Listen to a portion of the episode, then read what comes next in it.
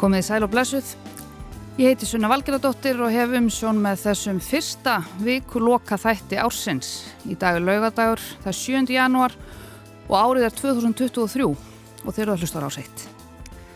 Við erum hér á kunnulegum slóðum þó að nýtt ár sé gengið í gard. Við erum hérna í hljóðstofu 6 í efstaleiti. Það er ég og Kári Guðmundsson tæknimaður á samt góðum gestum. En þó að þessi bara ein vika liðin af árinu þá er af nægu að taka og það er fleira sem er kunnulegt heldur en staðsetningin okkar hér í efstaleiti. Það verist ríkja neyðar ástand á landspítalanum, það er vesen í ferðarþjónustunni, COVID er að banka á dittnar, mengunin líka. Það eru sviftingar í fylgi flokkana í pólitíkinni, fólk hefur skoðun á skaupinu, þið þekkið þetta og það gera gestir mínir sannarlega líka. En gestir mínir í dag, það eru þau Pál Mattíasson, fyrverandi forstjóri landspítalans, Álfeyður Ingadóttir, fyrverandi heilbreyðisráþara vinstri græna og Kristrún Frostadóttir, fyrverandi aðalhagfræðingur Kvikubanka en nú formaður samfélkingarinnar og verðandi tveggjabarna móðir. Mm -hmm. Verið velkomin, Hinga, til okkar. Takk fyrir. Takk. Jólunum er nú formlega lokið þeim lauk í gær.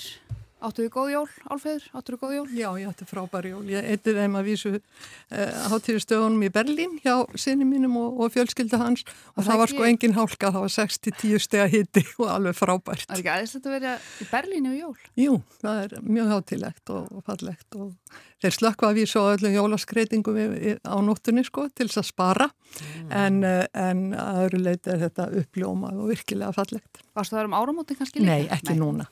Nei. Páll, áttur þú góð jól? Ég átti bara mjög náðu jól. Ég fór nú með fjölskylduna eins og við höfum stundu gert áður til útlanda. Við fórum á skýðum um jól og áramót og áttum alveg, vorum svo heppin að hitta á stað það sem var snjór. Þannig að það var í Fóralberg í vestur hluta Östuríkis og sem betur fyrir var snjór og, og það, var bara mjög gaman. Og það hef ekki verið grænar brekkur svona fyrir megin við, við skíðabrautina? Ég segi nú ekki að það hef ekki sést í það en það voru nógu langt í burtu frá skíðunum til að það slapp.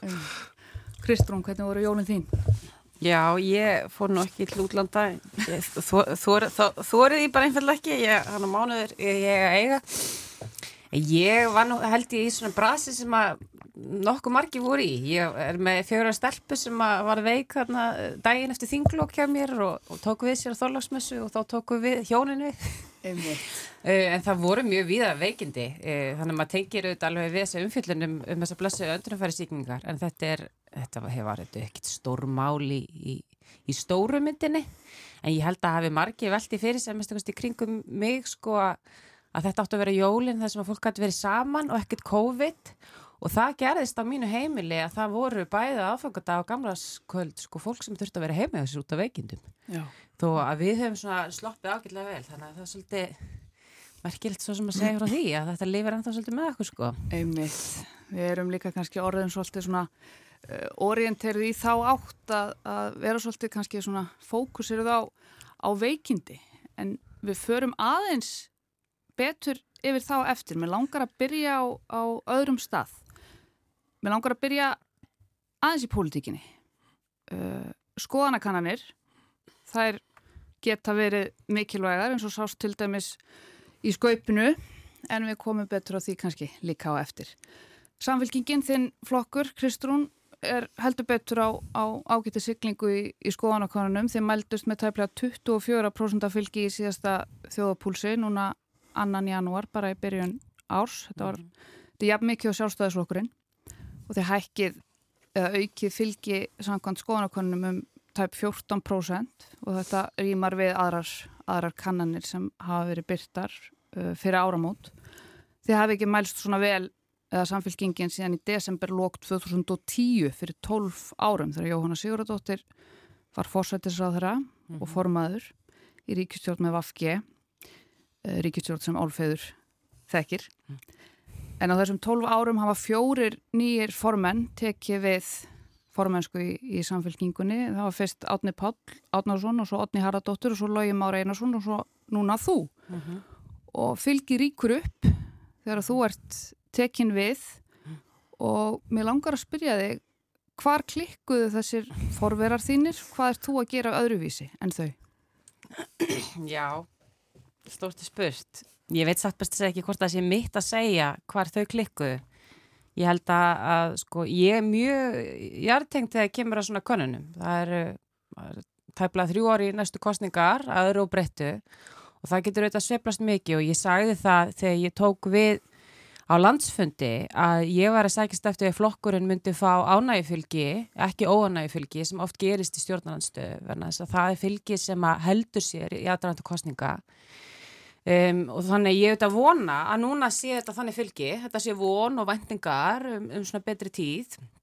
Ég held að einhverju leiti um, geti þetta fylgi núna skýst líka bara að því að að þessar áherslu sem að, að nýfóristar að koma með inn þær henda á þessum tíma og ég er ekkit endurlega vissum ef ég hef komin í flokkin fyrir þremur eða sex árun síðan og það hefði verið sko hlustað á þær áherslu sem ég er heldur að tala fyrir í dag sko og ég hef verið alveg hreinskil með það til að mynda gagvart fyrrum formanni sem að hefur stutt mjög mikið við mig logi, og er núna orðin þingflósformar hjá okkur um, að sko starfið sem að hann vann eftir 2016 uh, skapaði þetta þann grundvöld fyrir það líka fylgi sem við erum að sjá núna. Og, og flokkurinn var bara þannig stað. En ég auðvitað hef trú á verkefninu og því sem ég er að gera og það væri líka ekki gott ef ég get ekki útskipt þessa fylgisökningu út frá okkar áherslum. Um, ég ákvaði að fara þá leið eftir uh, 50 funda ferðum landið að leggja áherslur á svona ákveðin mál sem að mér fannst koma upp allstæðir kringu landið. Í því samingi er ég ekki að gefa til kynna að sko, ég velji úr bara það sem fólk vil heyra en staðrindin er svo að þegar þú ert að standa fyrir svona breyðri stefnu eins og jafnaði stefnan er. Þetta er ekki, á ekki að vera smáflokkur í grunninn, þetta er ekki eins málefna flokkur. Það áttu auðvitað að hlusta á því hvað fólki segir í landinu. Og ég tók til mín það að það er rauð þráður varðandi velferðamál, heilbriðismál, húsnæðismál og við hefum bara verið mjög skýr á því að við ætlum að forgása þessum málum og þarna munum við ekki gefa neitt nafslátt. Nákvæmlega spyrja ég bara aðeins, uh, er það að fara að breyta nafninu? Á flokknum? Já. Þetta var náttúrulega til umræðu í aðdraðanda landsfundar og á landsfundi.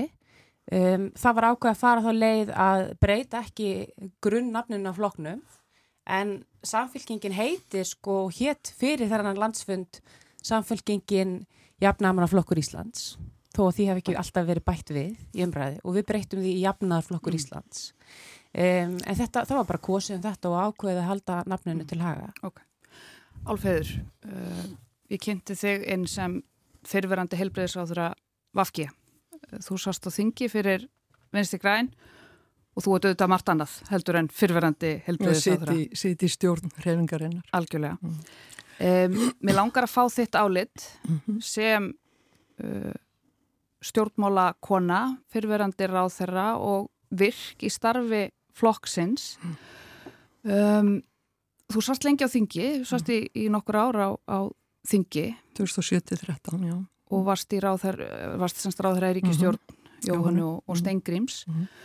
í þessum könnunum sem að ég var að fara yfir hérna það sem að, að samfélkingin er að, að rjúka upp úr öllu valdi þá mælist Vafki undir 7% af fylgi og hefur aldrei mælst minni, þau fengju fjóra þingmennin núna, þau eru með átta hvað er að gerast fyrir flokkininn? Uh, sko áður heldur ég svara því að þá langar mig til þess að Óska Kristrúnu hjartanlega til hamingju með formönskuna í samfélkingunni og það góða gengi sem að flokkurinn er að, að fá í þessum skoðanakönnunum núna. Ég meðist alltaf frábært þegar að ungar konur taka sér til og stíga inn á því pólitíska svið. Þau eiga þar erindi og koma því þannig til skila að þær fá góðan stöning við það og ég segi bara enn og aftur til hamingju þetta er bara mjög mikilvægt að við eigum alltaf og endur nýjum stöðut fyrirmyndir okkar í pólitíkinni, okkar hvenna. Er það kannski það sem skortir hjá vinstur grænum? Nei, alls ekki, langt í frá. Uh, þvert á móti þá sína þessar, þráttur í þessar tölur að þá er staðrindin svo að í könnum sem var gerð, uh, sem var skýrt frá að gamlástag, að þá kemur fram að það er afgerandi miklu fleiri sem að telja að Katrín Jakobsdóttir eigi að vera fórsættisáðra heldur en aðrir kandidatar Katrín í það efni. Katrín Jakobsdóttir er og hefur alltaf verið með mikið persónlega fylg. Já, hún er og hefur og það er eðlilegt vegna að þetta er mjög mikilhæfur og, og góður stjórnmála Eh, það hefur hins vegar ekki endur speklast í fylgi flokksins. Ég hérna við, það er, það, auðvitað sjá það allir að það er engin ánægja í okkar ranni með þessar, uh, þessar skoðanakönnu núna. En við höfum satt best að segja marga fjörun og sopið í þeim efnum. Mm. Og einhver tíma nú mældist nú Vafge með 30%. Ég man ekki eins og hvenar það var. Það, þetta er vonandi lámark núna, ég held að það hefur verið hámark þessi 30%. Um, hvað er að, er að gerast? Uh, ég held að, að hérna, ég sé ég sem tölum tækifæri til að gera betur. Og hvað er hægt að gera betur? Það er hægt að, uh, sko, ég bind mjög miklar vonir við góðan árangur vinstri græna í þeim nýju verkefnum sem við höfum tekist á hendur í þessari ríkistjón. Uh, Katrín er, er óumdeildur uh, leittói og, og hún heldur þessari ríkistjórn mjög vel saman og það er einstakt að, að halda inn í annað kjörtímabil með, með þessum hætti. En þarna erum við að taka við uh, í fyrsta sinn félagsmálaráðuneytinu og sem að núna heitir félags- og vinnumarkaðsráðuneyti. Þar eru undir málefni þeirra sem að tæpast standa í þjóðfélaginu, flottamanna, þjónustuðu flottamenn meðal annars, öryrkja Og er þá kannski svo litið erfitt að vera með Nei, eh, sjálfstæðisflokki til dæmis í... Ég held að sé ekki erfið að vera með sjálfstæðisflokki varðandi þetta málefni heldur en, heldur en önnur. Það sem ég er að segja er að stefna vinstri græna í þessum málum á eftir að skýra sig mun betur. Það hefur þegar á þessu eina ári sem er liði náðust verulegur árangur. En það á við erum eins og Kristrún sagði að við erum að koma inn í kjörtímabil, nýtt kjörtímabil og ég uh, veit það að, að mummi á eftir að skila góðum árangri í þessu ráðuniti, hann er mjög góður að vinna með fólki og, og það hefur þegar sínt sig. Uh, hitt ráðunitir sem að gamla sjávarúts og landbúnaðaráðunitir, ég vil meina að nútíminn hafi haldið innreið sína í það ráðuniti með tilkomu Sandísar og vinstri græna núna mm. og það er bara, þarna eru undir allar auðlindir lands og sjávar og það er bara mjög hressandi, við talum ekki um fyrir mig sem náttúruendara og, og lífræðing að heyra ráð þeirra að tala um lífræðilega fjölbreytni, um varúðarregluna, um vistkerfisnálgun og um, um, um sjálfbæra nýtingu til lengri tíma á þessum mikilvægu öllindum okkar heldur en uh, að vera bara að útluta einhverjum mjölkukvóta eða mm -hmm. byðakvóta til eins eða þryggja ára. Og þarna eigum við öruglega eftir að sína góðan árangur. Og ég allavega álít það mikilvægt verkefni okkar, vinstri græna í þessari ríkistjórn og ég tel að það eftir að skila samfélaginu líka miklu. Svo sjáum við hvað kemur upp úr kjörkursunum. Það er ekki alltaf, er, er ekki alltaf samræmi þar á milli finnsnanni. Ef allt gengur upp þá er langt í það að Já. við fáum að sjá. Já, ég hugsa það síðan nokkur ár, þrjú. Um, Pál, mm -hmm. ég kynnti þig líka eins sem fyrverandi eins og álfeyði. Þú varst fórstjóri landsbítalans í mörg ár, tókst við. Jú, jú, ég var það í rúm 8 ár. Stóra stóra jobbi höstið 2013, hættir höstið 2021 að einn ósk. Jú, jú, og það, bara aðeins varandi pólitíkina, ég er náttúrulega, svo ég klári það nú, ég er nú ekki... Hvernig líst þér á þessar fylgjastölur? Sko, ég vandi mér nú á það sem ríkisfástjóra ver ekki með, ver ekki flokkspolítískur Nú ertu frjáls og getur tjáð eins og já, já, en kannski, en það er erfitt að venja sig af því sko, en, en þannig ég líti á þetta aldrei öðruvísi, meira utanfrá, en Sko það sem ég fagna í þessum tölum er auðvitað það að veist, það, þarna er miðjuflokkur að fá mjög mikið fylgi og það er gott. Það sem ég óttast öðru fremur í fréttum og nágrannlöndunum er þessi polarisering sem er að verða svo víða. Að fólk tala bara saman með öskrum eða ekki úr sikkur og hodninu og það erum við ekki að sjá í þessum tölum og mm. það er jákvæmt. Mm. Svo ég segi nú uh, svona mitt, Emitt. mína sekundu í þessum máli. Mm -hmm. Sko, þú talar um einmitt polariseringu og öskur, það sem að, að fólk öskrar setja ykkur í hodninu. Um, nýja árið, það tók á mótokkur með gamal kunnum hryllingsögum af landsbyttalunum og núna er það bráðamótokkan eins og svo ofta áður. Um, það komu fréttir af tæplega 60 kallmanni sem að ljast skömmu eftir að hafa verið útskrifaður af, af bráðamóttökunni. Um, þetta er rannsakað eins og bara öll svona atvik, uh, rannsakað sem el, alvarlegt atvik af, af lauruglu og, og landlækni en það er, eins og ég segi, það er standard og, og þýðir svo sem ekki að, að það hafi neitt óðurlegt átt sér stað. Uh, en bara til landlækni saði í svari til RÚF uh, núna í byrjun vikunar að staðan á bráðamótökunni hafi lengi verið áhyggjuefni en bættið hafi gert fjölda úttekta á bráðamótökunni allt frá lókum árs 2018 og bent á hvað þurfti að breytast og haldið heilbreyðisráþara eða þeim heilbreyðisráþarum sem við höfum haft á þessum tíma upplýstum.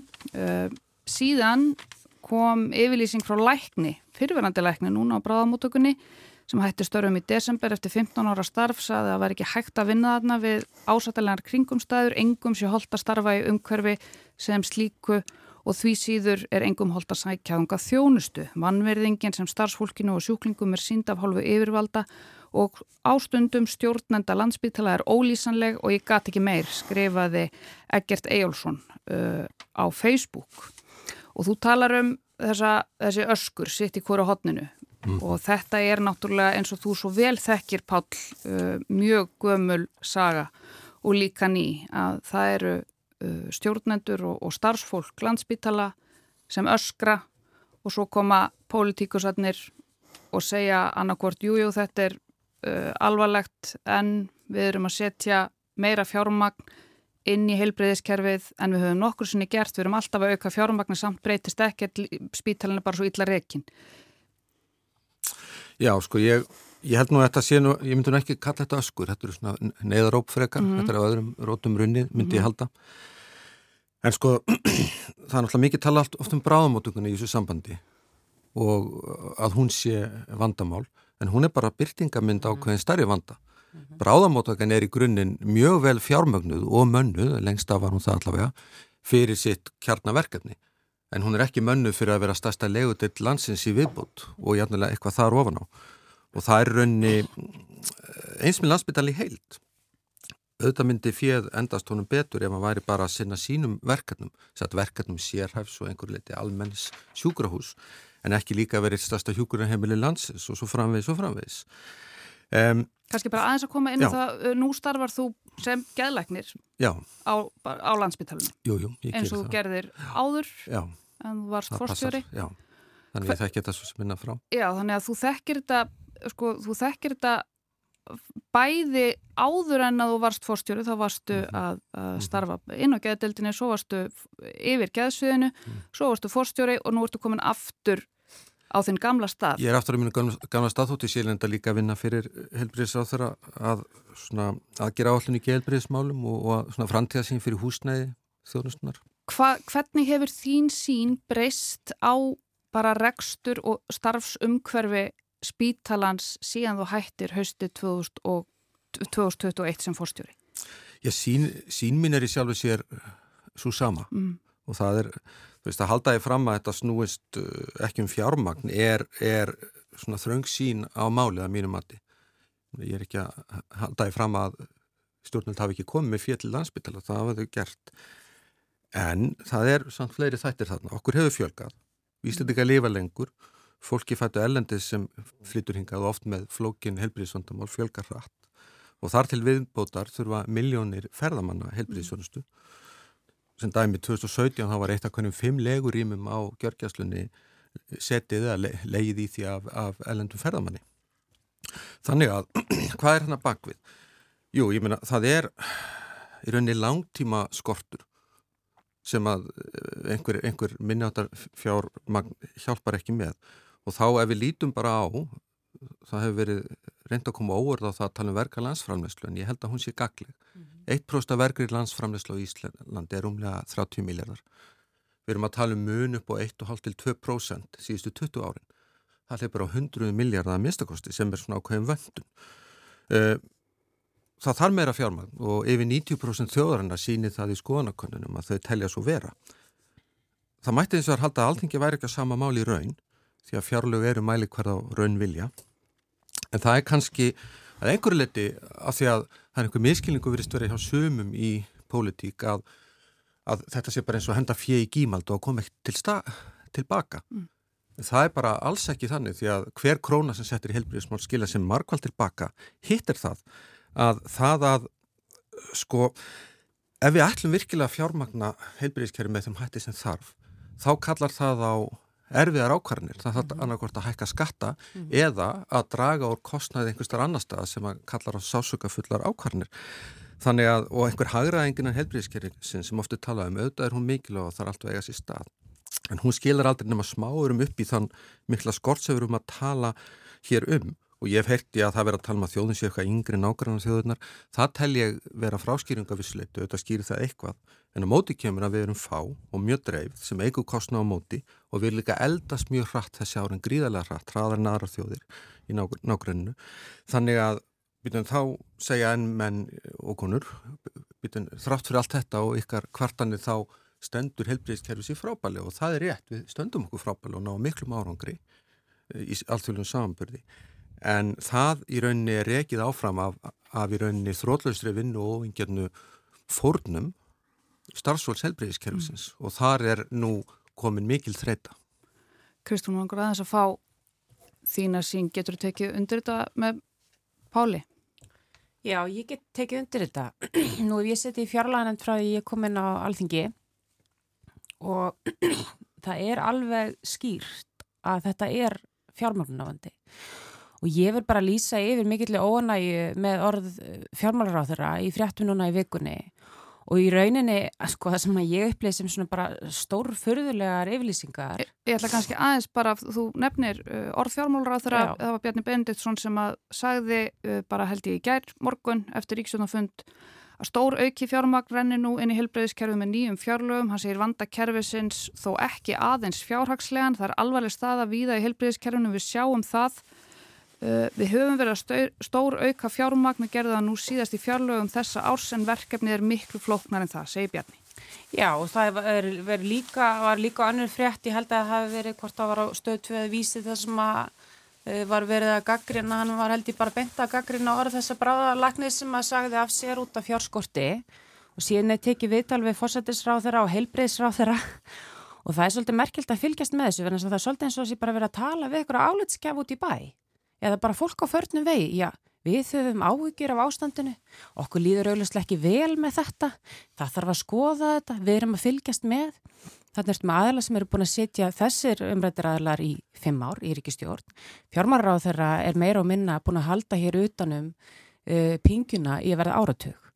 Um, ábyrðin liggur augljóslega hjá ríkistjórninni. Ef að þau eru á þeirri skoðun og þetta sé ekki fjármárnavandi sem ég er ekki sammála og við getum farið yfir, þá er þetta stjórnunavandi innan ríkistjórnarnar, þetta er vanhæfnisvandi, ég er enn að koma fjármagnum á réttan stað og við verðum að lifta umræðinni á þann stað að fólk sé gert ábyrgt fyrir því að vera í þessum stöðum. Um, varðandi þetta stóru aukna fjármagn sem er að koma inn í landsbyggðlan og inn í heilbreyðstjónustuna, rétt eins og Pál var að segja hérna áðan, ég meina stóra myndin er svo, þrátt fyrir að ráðmenn hafi verið að reyna að koma sér undan þessum tölum ef við horfum á fjármakt til helbriðstjónustu sem hlutur til landsfælinslu þá er það læra enn í löndunum í kringum okkur. Það er enn og aftur gripið til þessara aldurstalna en við erum strjálbílasta landi á þessu svæði. Við erum ekki þeirri stöðu að vera með mörg stór sjúkrahús þar sem við getum eh, velt vandanum yfir á aðra spítala ef að koma upp vandræði. Það er allt dýrar á Íslandi og það er alltaf verið að réttlega að allt sé dýrar á Íslandi vegna þess að laun eru herri, kostnæri herri, hér þarf að flytja hluti en heilbriðskerfið, það á að vera ódýrara en allstað annars það er í kringum okkur. Heyr, heyr. Og þetta er bara mjög skrítin framsetning. Um, varðandi þetta auka fjármæk sem komin í fjárlum, fyrir nú fyldist ég með, við mjög vel með þeirra umræðu. Þegar umsagnir komu uppaflega inn í haust, þá lág fyrir að það vantaði gríðarlegar háar uppæðir inn í landsbytalan bara til að mæta það sem er kallað reiknaða raunvöxtur. Þetta eru ekki viðbútarverkefni, þetta eru verkefni bara til að halda óbreyttir þjónustu. Og þá eru við að tala um ef okkur fannst þjónustan ekki nógu góð í fyrra að reyna bara haldinni á þeim stað. Og það var ekki nekt fjármakt til að gera það út af fólksfjölgun, hjúgruna þingd það kom neðarkall frá sjúkrásuna Akureyri, það vantaði halva miljardin það kom í ljós í umsögnum frá sjúkratryggingum og frá landsbytalum það vantaði fjóra miljarda inn í liv það vantaði inn í tækjakostnað Um, það lág fyrir að, að það vanta inn í rekstur sjúkartrygginga Íslands og við sáum að forstjóri þeirra Mm. stofnir sagði af sér fyrir áramót vegna þess að viðbúta fjármæk sem kom inn var ekki nóg til að reka stofnuna og sko til að setja það í samingi akkur þetta skipti máli af því að nú er mikið leið á landsbytalanum varðandi afköst og sé ekki verið að nýta fjármækna rétt. Sjúkartryggingar er meðal hans á aðili sem að er með eftirlit með afkastatengtir fjármögnun. Það er verið að reyna að innlega hana inn á landsbytalan. Þar hefur ekki verið fjármagn nægilegt hjá sjúkratryggingum til þess að halda almennilega utanum það. Það hefur ekki verið fjármagn hjá sjúkratryggingum til þess að vera með nægilegt eftirlit með útgjöldum þegar kemur að sérfræðarlegnum. Það hefur ekki verið samið við sérfræðarlegna. Sko, síðan koma þau inn tveimur vikum fyrir afgryslu hérna fjárlega og henda þá inn 12 miljardum króna sem er í rauninu bara svo upphæð sem hefði átt að vera í upphæfi ársins settin í fjárlög til þess að halda við grunn þjónustu og þetta er kallað stór aukin fjárlög, fjárframlög. Þannig að það sem að mér hefur þóttu vanda oft í þessu umræðu algjörlega óhugði hvar fólk stendur í pólitík. Er að þú ert með ákveðna stjórnmálflokka og sérstaklega ákveðin stjórnmálflokk sem er hægri flokkurinn þessar ríkistjórn sem eru haldið utanum fjármagnarliðina og alltaf geta sagt um fólk út í bæ bara þið skiljið þetta ekki, þið veit ekki hvernig tölur virkar, þið eru ólæs, allir hinnir vilja bara brenna peninga en eru svo í ykkurum svona útreikni försum á milli umræðina og setja fólki óryggi stöðu og nú bara búin að lifta lókinu á þessu og ég get bara fullirt, það er ekki rétt að þetta kerfi sér vel fjármagna og á því bera auðvitað fósetsræður á helbriðsræður líka ábyrða verið ríkistjórn með stjórnmálflokki sem neytar að laga fjármögnunarliðina á helbriðskerfinu. Álfeður. Já, Eitthvað við merki- þetta að Þetta bæta? var merkilega ræða. Eh, sko 12 miljardar eh, inn í helbriðistjónustuna eru sannarlega viðbútt. Já, en hún talar um að þetta hefði átt að vera hefði í átt að vera í frumvarpinu og hefði átt að vera í grunninu. Við vitum alveg hreint hvernig fjárlög voru á síðasta ári og árinu þar áður út af COVID. Við þurfum ekkit að, að fara yfir það hér hvernig, hvernig hérna uh, hversu mikið ríkisjóður var skuldsettur þess vegna. En ég ætla ekki að fara út í, út í þau, þau uh, mál. Mér langar til að ræða sérstaklega uh, spítalan og, og ég bara fullir því að það, það er bara algjörlega ósatt að það hafi ekkert verið aðgert. Bæði stjórnvöld hafa komið að með stefnumótun og með fjárframlögum og ekki síður hefur spítalinn sjálfur verið að endurskipuleggja og bæta þjónustuna eins og mögulegt er. En það er alveg rosalega þröngur stakkur skorinn. Það er bara þannig og við þess, þetta ástand sem við sjáum á bráðamáttökunni uh, vik eftir viku, ár eftir ár og sérstaklega er að koma upp svona pestatímar það er því miður sko ekki sér íslenskt fyrirbæri. Nei, en nú skulum við halda Nei, bara... já, ég, á, á landsbítalanum að þá er uh, eina megin skýringunum mikil mannekla og það að, að það vantar hjúgrunarými, það vantar að koma fólki í varanlegri úrræði þegar það, það má ekki stranda eins og Pál sagði inn á, inn á deildinni. Það er, í þessu er í rauninni vandin fólkin og hvernig á að leysa úr þessu er skipulagsvandi meðal annars, líka fjárhagsvandi, það er búið að bæta við verulega hjúgrunarýmum á, á síðustu tveimur, þreimur árum. En það bara dýr ekki til, við erum að eldast svo mikið. Það sem mér langar til þess að, að leggja áherslu á er að það þarf auðvitað meiri peninga inn í þetta uh, kerfi. Það þarf líka að bæta vinnuaðstöð, það þarf að hækka laun hvernast þetta. Þetta kostar allt saman peninga. Já, já, þið, sko Íslandingar eru mjög vel settir, við erum rík þjóð. Af hverju Við erum við þá ekki setja meiri peningin í heilbriðiskerfi? Við eigum að sjálfs, ég var að segja við eigum að gera það og við erum að gera það. Það sem að, það sem að skiptir máli finnst mér í þessu er að uh, er þessi, það, það er mannskapurinn eins og, og Páll sagði þá er fólk orðið mjög þreytt og þetta er búin að vera langur álagstími. Við erum í samkeppni um þennan mannskap, lækna og hjúgrunafólk við bestu og stærstu sjúkrahús hér í nágrannlöndunum. Mikið af okkar færasta hjúgrunarfólki lærir í Skandinavíu og kemur ekki heim. Eh, Hvernig er hægt að breyta þessu? Við erum að byggja nýja landsbytala. Þar sem að, að hérna verður nútímaleg og vonandi mjög góð og besta aðstafa bæði fyrir sjúklinga og fyrir þá sem að þar eiga að vinna og ég vil meina að þegar að spítalinn kemur að þá verði geti hann orðið aðdráttarafl í sjálfu sér til þess að fá uh, fleira fólk inn í, inn í kerfið.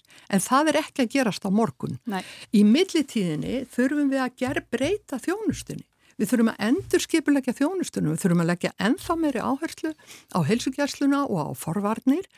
Hátækni sjúkrahús er síðasti instansinn og, það, og við höfum ekki verið nógu fókuseruð á að, að um, ástunda og leggja áherslu á forvarnir og heilsugjærslu. En forvarnir kannski bjarga ekki ásundun og neðarmótugunni núna? Nei, ég segi in the long run, Já.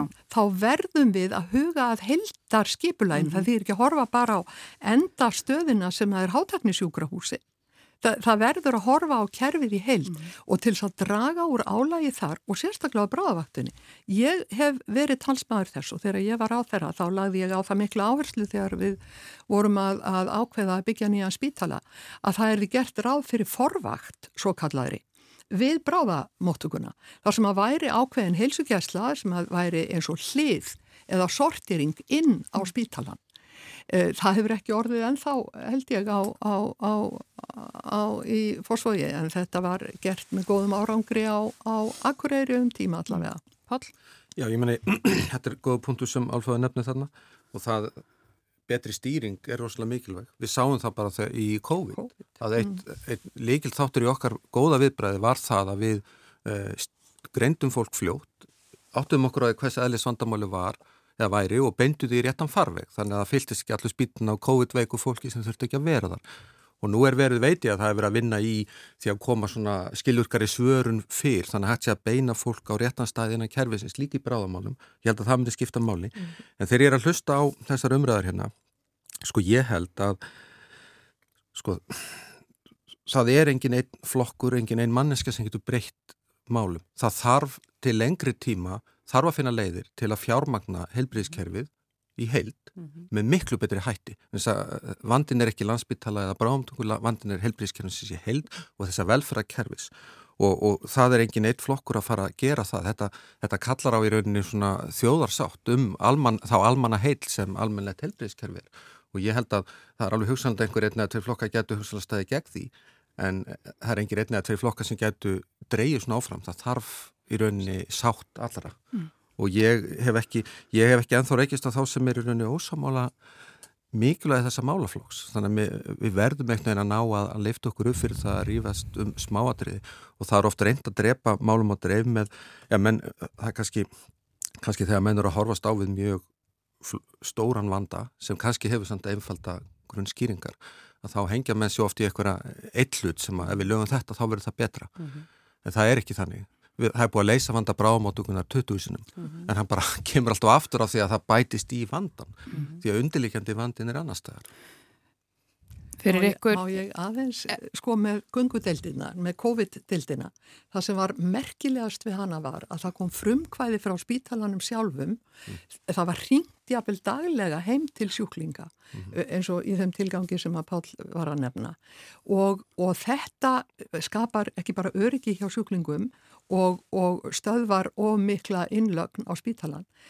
Um, þetta skilst mér að sé verið að taka upp núna á krabbamennsteildinni og væri mjög gott að taka upp í, á, sem, við, á, á fleiri sviðum, þjónustu sviðum á, á spítalanu því að ebling og gungudelda er það sem við þurfum.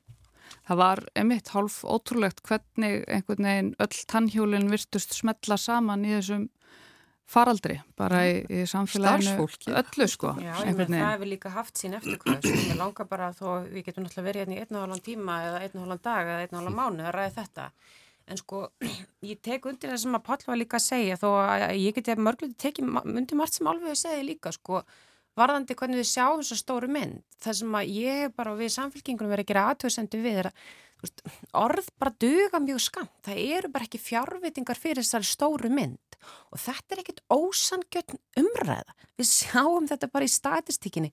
Meni, við erum að horfa upp á það í samþektir fjármála áallin þessar ríkistjórna til 2027 að eftir þetta ár 2023 þá er ekkit fjármagn gert ráð fyrir í uppbyggingu nýra hjókunarheimila það eru bara tölunar eins og þær liggja. Auðvitað geta ráþurar komið fram og fórsvarsmann ákvæmna flokk og sagt við ætlum að gera betur en staðrindin er svo að þessi neyðaróp sem er að koma núna úr heilbríðskerfinu sem hafa náttúrulega verið í svolítinn tíma þær felast ekki bara í því að fólk sé ósangjant og vilji breytingar núna. Það er vonleysi. Fólk upplifir bara að einmitt að stjórnmálamenn mæti eins og bara álitskjafar í þætt og segi við höfum áhugir á ástandinu. Fjármagnu fram í tíman. Það er ekki viljið til að taka pólitiska ákvarðanir til að mynda um breytta skattheimtu, til að mynda um að sækja tekjur. Menn að stæsti pólitiski grundvallar munurinn á samfélkingunni ef við varum í fórustu og til að mynda sjálfstæðisfloknum er að við höfum bara mismunandi skoðun á skattheimtu og við erum alveg tilbúin að standa og falla með því og staðarindin er svo að allt sem að félagsækjuflokkanir þessari ríkistjórn ef þeir velja að kalla sig það vilja gera mun ekki ganga upp á meðan það er reygin hægri stefna í fjármálaráðnutinu og kann, kannski er það bara miskilningur á hvernig fólk horfir á fjármálin en ef við sjáum statistikina fram í tíman þá er ástæði fyrir því að fólk er að gefast upp. Þessi umræði til að mynda um nýja landsbytalan sem er að komin það er búið að vinna þrjár ef ekki fjórar skýslur af alþjóðlum rákjafyrirtækjum svo nýjasta sem hefur sagt að sá spítalinu þegar sprungin þegar kemur að legurum.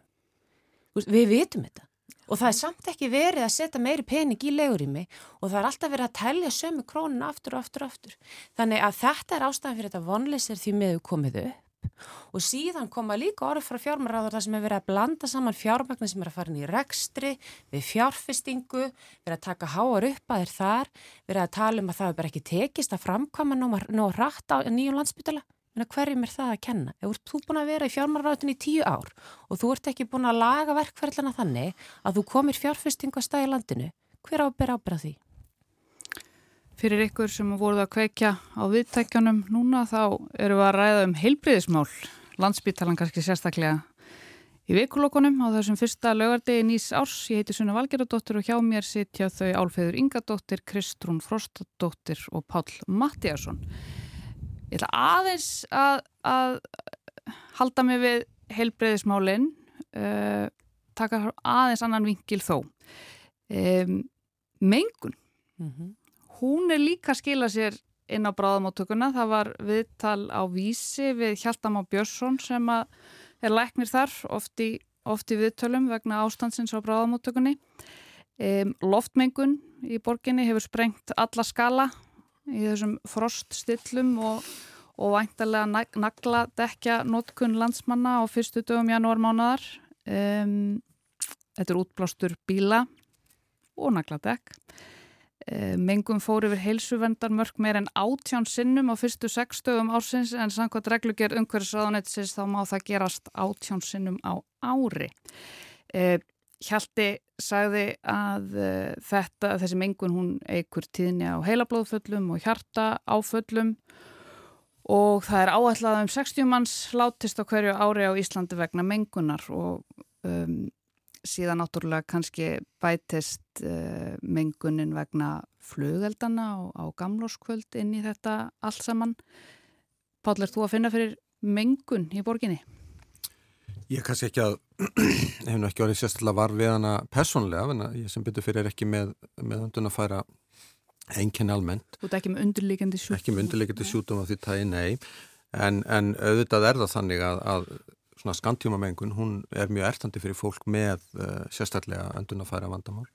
Uh, það er, og það er náttúrulega vond þegar svona veður aðstæðu kom upp og, og mengun verður á þessu tægi og vekur upp umræður um það nagladekk og notkun þeirra og hvort það er rukka fyrir að nota þeim en virkilega þurfið og svo framvegs sem ég held að geti verið ágættið hugmynd. Nota meira raf knúi faratæki og almenni sangangur og svo framvegs en það er, ég held að ekki að gleyma því að í, í svona heldina þá erum við hér á þessum vindasama nesi heppin því að yfirleitt er nú ekki mjög mikil mengun hér. Ég, ég bjóðum tíu ára skeiði í Lundunum og ég er vissum að það hefur haft varalega áhrif á mína heilsu bara verna þeirrar menguna sem þar er. Við vitum það að langtíma áhrif mengunar eru slæm, bæð á öndunafæri og á hjart- og æðakerfi og sem beturferi erum við ekki að glýma við þetta sem vandamál, svona langtíma vandamál hér. Það er líka kannski svo litið uh, erfitt að, að vera að skikka fólk til þess að, að nota ekki enga bílinn og, og keira ekki um á nagladekkjum þegar færðin er eins og hún er. Álfeður, komst þú sæmilega klakklaust hingaði í morgun? Já, reyndar, ég hérna, braust út úr minni íbúðagötu eins og aðrir þar og, og út á stoppbröndir sem að eru, eru reynsaðar. Ég er með eh, eh, asma og ég finn fyrir mengun eh, bara ef ég ekki gegnum kvalfjörðagöngin, um kvalfjörðagöngin að, og í bíl sem er ekki nógu þéttur þá finn ég það strax. Mér langar að spyrja einu í, mm. í tengslu við kvalfjörðagöngin. Uh, lokið þið fyrir innblásturinn í miðstöðinni þegar þið keirir alltaf, alltaf. Já. Já, það, annars bara það er nefnilega ástæði fyrir því að það bannaði að gangi gegnum eða hjóli gegnum göngin, það er mengun, loftmengun. En varðandi þessa loftmengun sem við erum að, að ræða að þá eru þetta rétturinn til reyns lofts og þess vegna reyns neysluvats eh, mannréttindi sem eru skráð í, í uh, heimsmarkmið saminuðu þjóðana og við höfum talið okkur eins og Pál saði, við sögðum oft lengi teku sjórum við og, og, og róki bara feiki mengunum í burtu. Uh, og sem við segja Reykjavík Borg segja að, að regnið taki bara snjóin og svo fara hann á sjálfu sér. En þetta er ekki svona einfalt. Við höfum sínt sko við höfum flotið svolítið sofandi að feiða rósið þarna. Og við skulum ekki gleyma því að við erum einn mesta bíla þjóð í heimi. Og þessi bílafloti hann er allur samþjappaður hér á þessu litla útnesi. Og þegar það eru stillur að þá er þetta vandamál og maður sér bara menguna skýi liggja hér yfir. Mm -hmm. Eina ráðið til þess að bæta úr þessu er að draga úr umferðinni. Á síðasta ári þá skilst mér að það hafi verið flutt inn uh, gríðarlega mikið og mun stærri hluti af, af rafbílum eða bílum sem ekki nota jarðefna elsneiti þannig að smám saman ætti að draga úr því. En við verðum að klára orkuskipti í samgöngum, það er mjög mikilvægt verkefni og uh, við verðum að draga úr umferðinni og það er eiginlega ekki gert með öðru móti heldur en að ebla almenningssamgöngur og ég bara býð og mér finnst hérna innviðar á þeirra að hafa farið bara íllaðar á því sínu þegar hann hérna eiginlega döðadæmdi lest til keflaðigur á dögunum því að við erum að fara að horfa upp á 2,1 miljón ferðamanna á þessu ári sem er nýbyrjað. Það var nú hálgjört Það er nú kannski, maður, kannski aðsnarlegt að segja hamfara ástand en svona á okkar útnes íslenska mælikvarða þá skapaðist nú hálgert hamfara ástand mm -hmm. samt sem maður í 30.000 30 manns þetta var eiginlega viðtöl við fólk sem var bara einfallega kallt og hrætt og, svangt og þetta var svona hálf surrealist einhvern veginn að hlusta á uh, og horfa á viðtölinn við fólkið í lefstuð sem að, að sjálfsögðu kannski var ekki droslega spennt yfir því að koma hingað aftur E, Fyldist þú með þessu hafari, Kristrún, sem átt sér stað þarna í, í lefstöð þegar að, fólki komst bara hvorki löndni strönd vegna þess að uh, Reykjanesbröðin, já, hún var bara lokuð. Já, já, þá nú kannski lítið annað í fréttum þá daga, en nákvæmlega það, fóröldrið mínu sáttu líka fastir í Malmö voru að heimsækja sýstumina og komist ekki landinströnd en höfðu nú mikil skilning á þessu ástandi enga síður. En það held ég að hafa verið munur á því hvort þú varst fastur heima hjá þér eða í lefstuð eða á Reykjanesbrutinni. Sko, ég veit ekki hvað maður á að segja um þetta ástand, sko, auðvitað er það þannig að þegar þú kemur til Íslands í desember þá áttu náttúrulega geta átt von á ímislegu. Ég held að það sé eitthvað sem við verðum auðvitað að hafa í huga. Veðrið getur bara verið mjög erfitt hérna og, og hérna og það kom upp aðstæður sem getur verið erfitt að eiga við. Nú þekk ég bara ekki og það, ég menna ráð þeirra sjálfur er að fara til að mynda yfir hvað nákvæmlega gerðist þessa daga þarna á Reykjanesbrutuna. Þannig að ég treysti mér ekki til að vera með eitthvað stórkvæmslega blammeringar um tímasetningu lókun á þess að dag. Ég held að máli hafi verið að uh, það voru uh, engabílar sem að lögðu út í kanta, mm. eða sérst komust ekki, festust og þannig að Reykjanesbrutin var bara í rauninni teppalögð af. Af förstum Já. bílum sem gerði að verkum að það var ekki hægt með góðumóti að fara með snjóðrunningstæki nema bara taka bílana með sér. Já, já, það verðist bara að hafa verið líka það bara vond veður að, að reyndist erfitt að, erfitt að reyðja. Sko fyrir mér er þetta samt líka bara byrtingamind á því hvað við sko sem samfélag höfum breyst líka rætt á undarverðin tíu mm. árum. Við erum með þessa flugstu þarna og þennan stóra og mikla fjölda ferðamanna sem er að koma til að mynda í desember sem að var ekkert fyrir mörgum ára síðan. Er. Út af því að við fórum á stað með Ísland allt árið. Já, ég meina það er mjög á, jákvæmt að við séum með vetraferðamennsku en, en það hefur kannski ekki alltaf verið gert ráð fyrir því bæði innviðum að við, við erum stundum með halva miljón manns í landinu þráttur að við séum bara 350.000 um, en að samaskapi þá eru þetta öðruvísi viðþór til þess að lenda í svona veðurfærð ef þú getur setið heima hjá þér og ákveðið að býða í tvo daga eða þú ert að koma í helgarferð og ætlar að ná öll yfir eina helgi.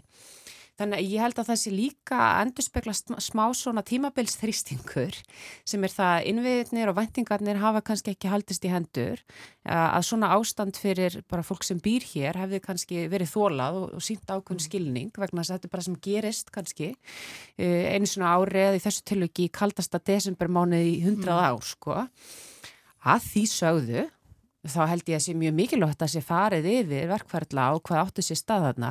Þetta eru auðvitað ekki eðlilegt ástand sem skapaðist að segja verið að fljúin fólki sem kemst hvorki löndneströnd og auðvitað maður hugsi yfir því að þetta er okkar eina almennilega leið út úr landinu, skilju.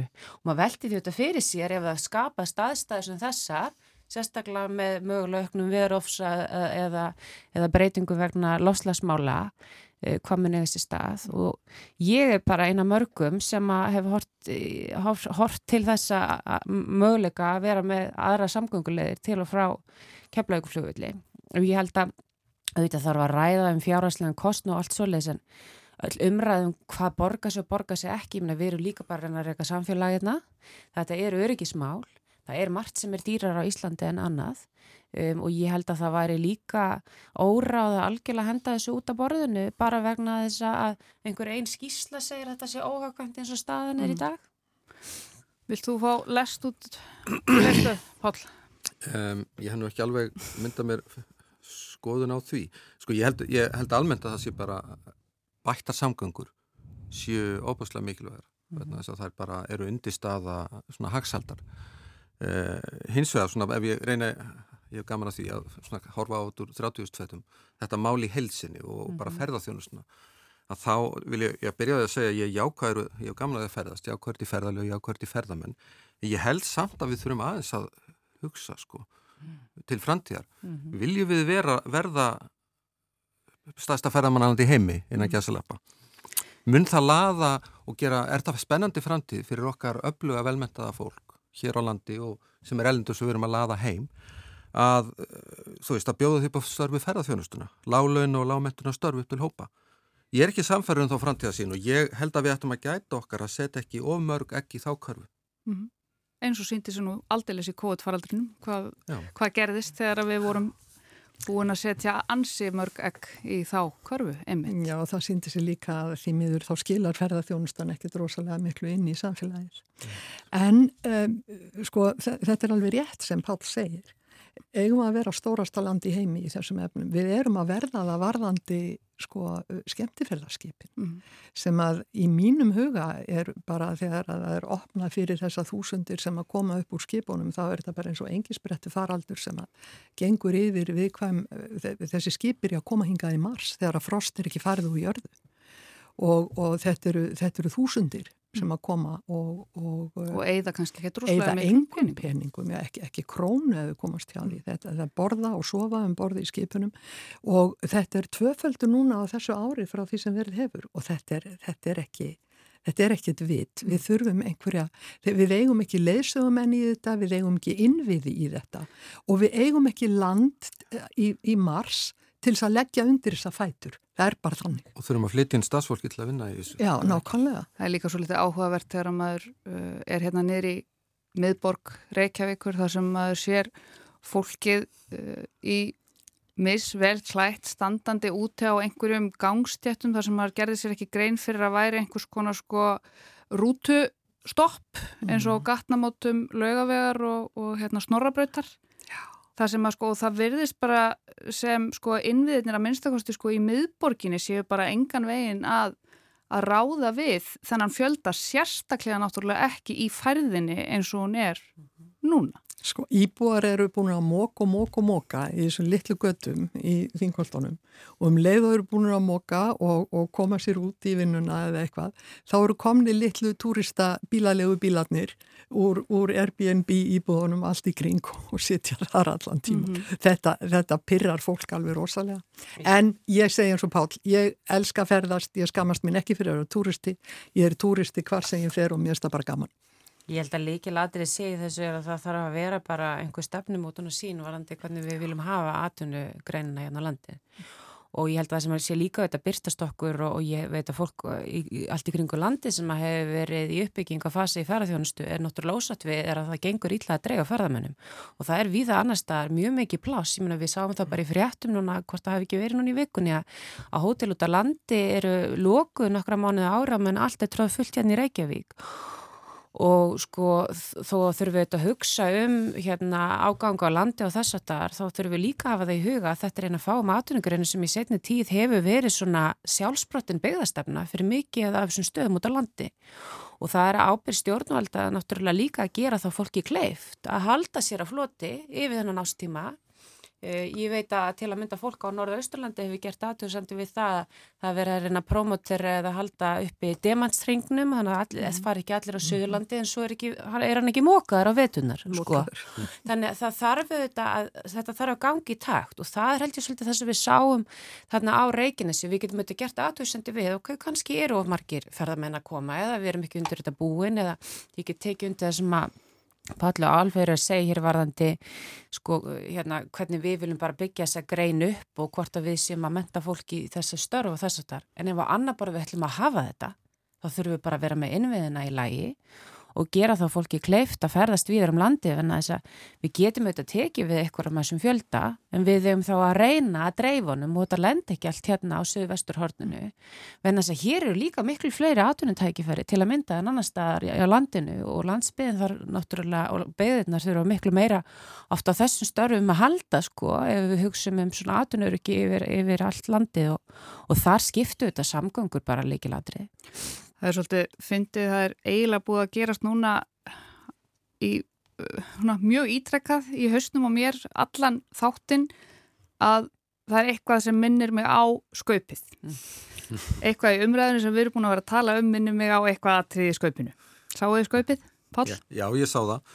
Ég sá það og ég var mjög ánæg með þetta. Besta skaup sem ég hef séð það slæður úr skaupi 1981 Já. sem ég sá þegar ég var 14 ára. Ég held að almennt finnist manni besta skaupi vera þegar maður er 14 ára, ég hef með sínist það allavega á reynslu barnana minna, en þetta slóð það út, þannig að mér finnst það frábært en mér finnst að það stakk í augun eins og grínið sem var kannski ekki alveg sangjant um það að út af kótakerfinu þá vantaði peningi í helbriðiskerfinu við...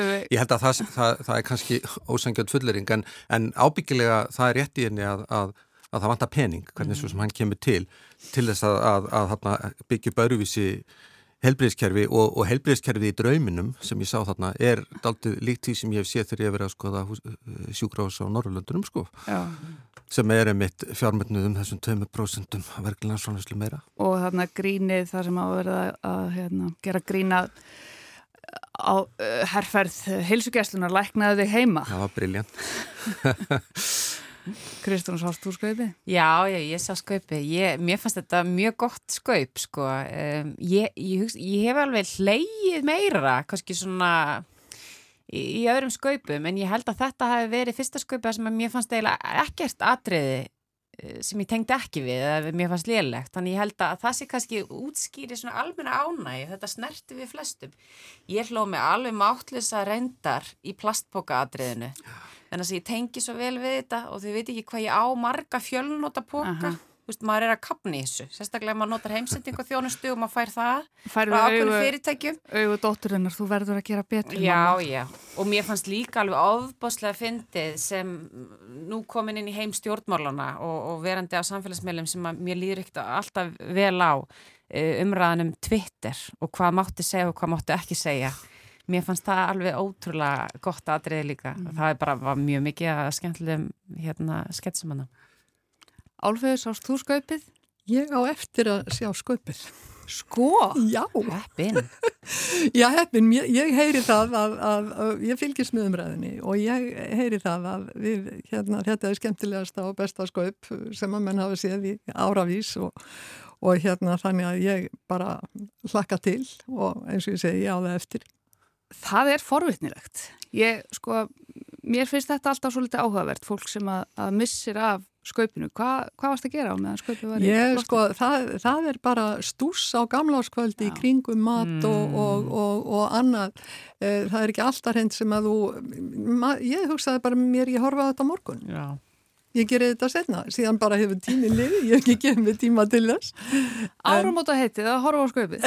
ég segi það nú ekki, en, en hérna, kannski maður uh, taki 14. á þetta í dag og horfa á sköpið í kvöld. Það er bara vonandi að það sé ekki búið að gera plan. væntingarnar of, of miklar, sko. Ég er eiginlega orðin hálf rætt um það. Mögulega. Ábyggilega. Hvað á að gera um helgina, Páll? Já, ég þannig að bæta þau upp að ég var í burtu þarna um hátíðarna þannig að ég er nú að fara að hitta hluta fjölskyldinni núna strax í hátíðinu og annan hlut í kvöld þannig að síðan reynir maður nú eitthvað kannski að fara í, ef það er veður að fara á skýði upp í bláfjöld, ég elskar nú að fara á skýði eða, eða fara í ræktina, maður er að berja skæð þessu óhjákamlegu hörnun öllum ráðum. Álfur, hver eru þín plön helgina? Þau eru í rauninni engin önnur heldur en að, að hafa það náðugt og, og vera með mínu fólki og vinnum og, og fjöluðum því að, að mér finnst sko það sem að maður horfir fram á þessu ári bursið frá COVID sem að ofir yfir okkur. Já, við náðum það er samvera, það er samvera. Nýta tíman nýta á tíma bara í samveru og láta sér líða vel. Við náðum einhvern veginn að að fara í gegnum þáttin á þess að tala mikið um, um ég held að sakni þess Er enginn það ekki bara allt í lagi? Jú, jú, ekki bara sleppa því. Kristrún, er, er allir orðinni frískir á þínu heimili?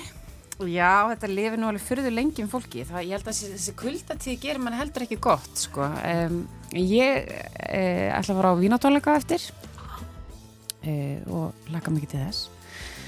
Og svo er ég talandi um að eigða tíma með, með fjölskyldu. Ég á nú vona barn eftir mánuð, þannig að við erum í smá svona undirbúningi, ekki endilega haft tíma til þess, en það er að mála eitt herbergi og ég, hérna, nú er ég að senda manninu mínum pillu það sem við erum að gera morgun.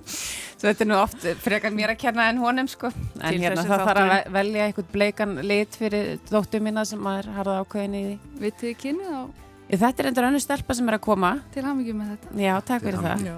Takk fyrir það. Það er komið að lokum, fyrstu vikuloka þessa árs, nýja árs 2023. Ég heiti Sunna Valgeradóttir og tæknimaður þáttarins var Kári Guðmundsson og þá voru þau Álfheiður Ingadóttir, Kristrún Frostadóttir og Páll Mattíasson sem voru með okkur hérna í dag. Vikulokin verða hér aftur á rás 1 næsta laugadag venju samkvæmt. Ég þakka ykkur kellega fyrir að leggja við hlustir. Þessi þáttur verður svo aðgengilegur eftir smá stund í spilar og rúf og á öllum hlaðvarpsveitum þegar ykkur hendar. Verið sæl, njótið helgarinnar. Takk svo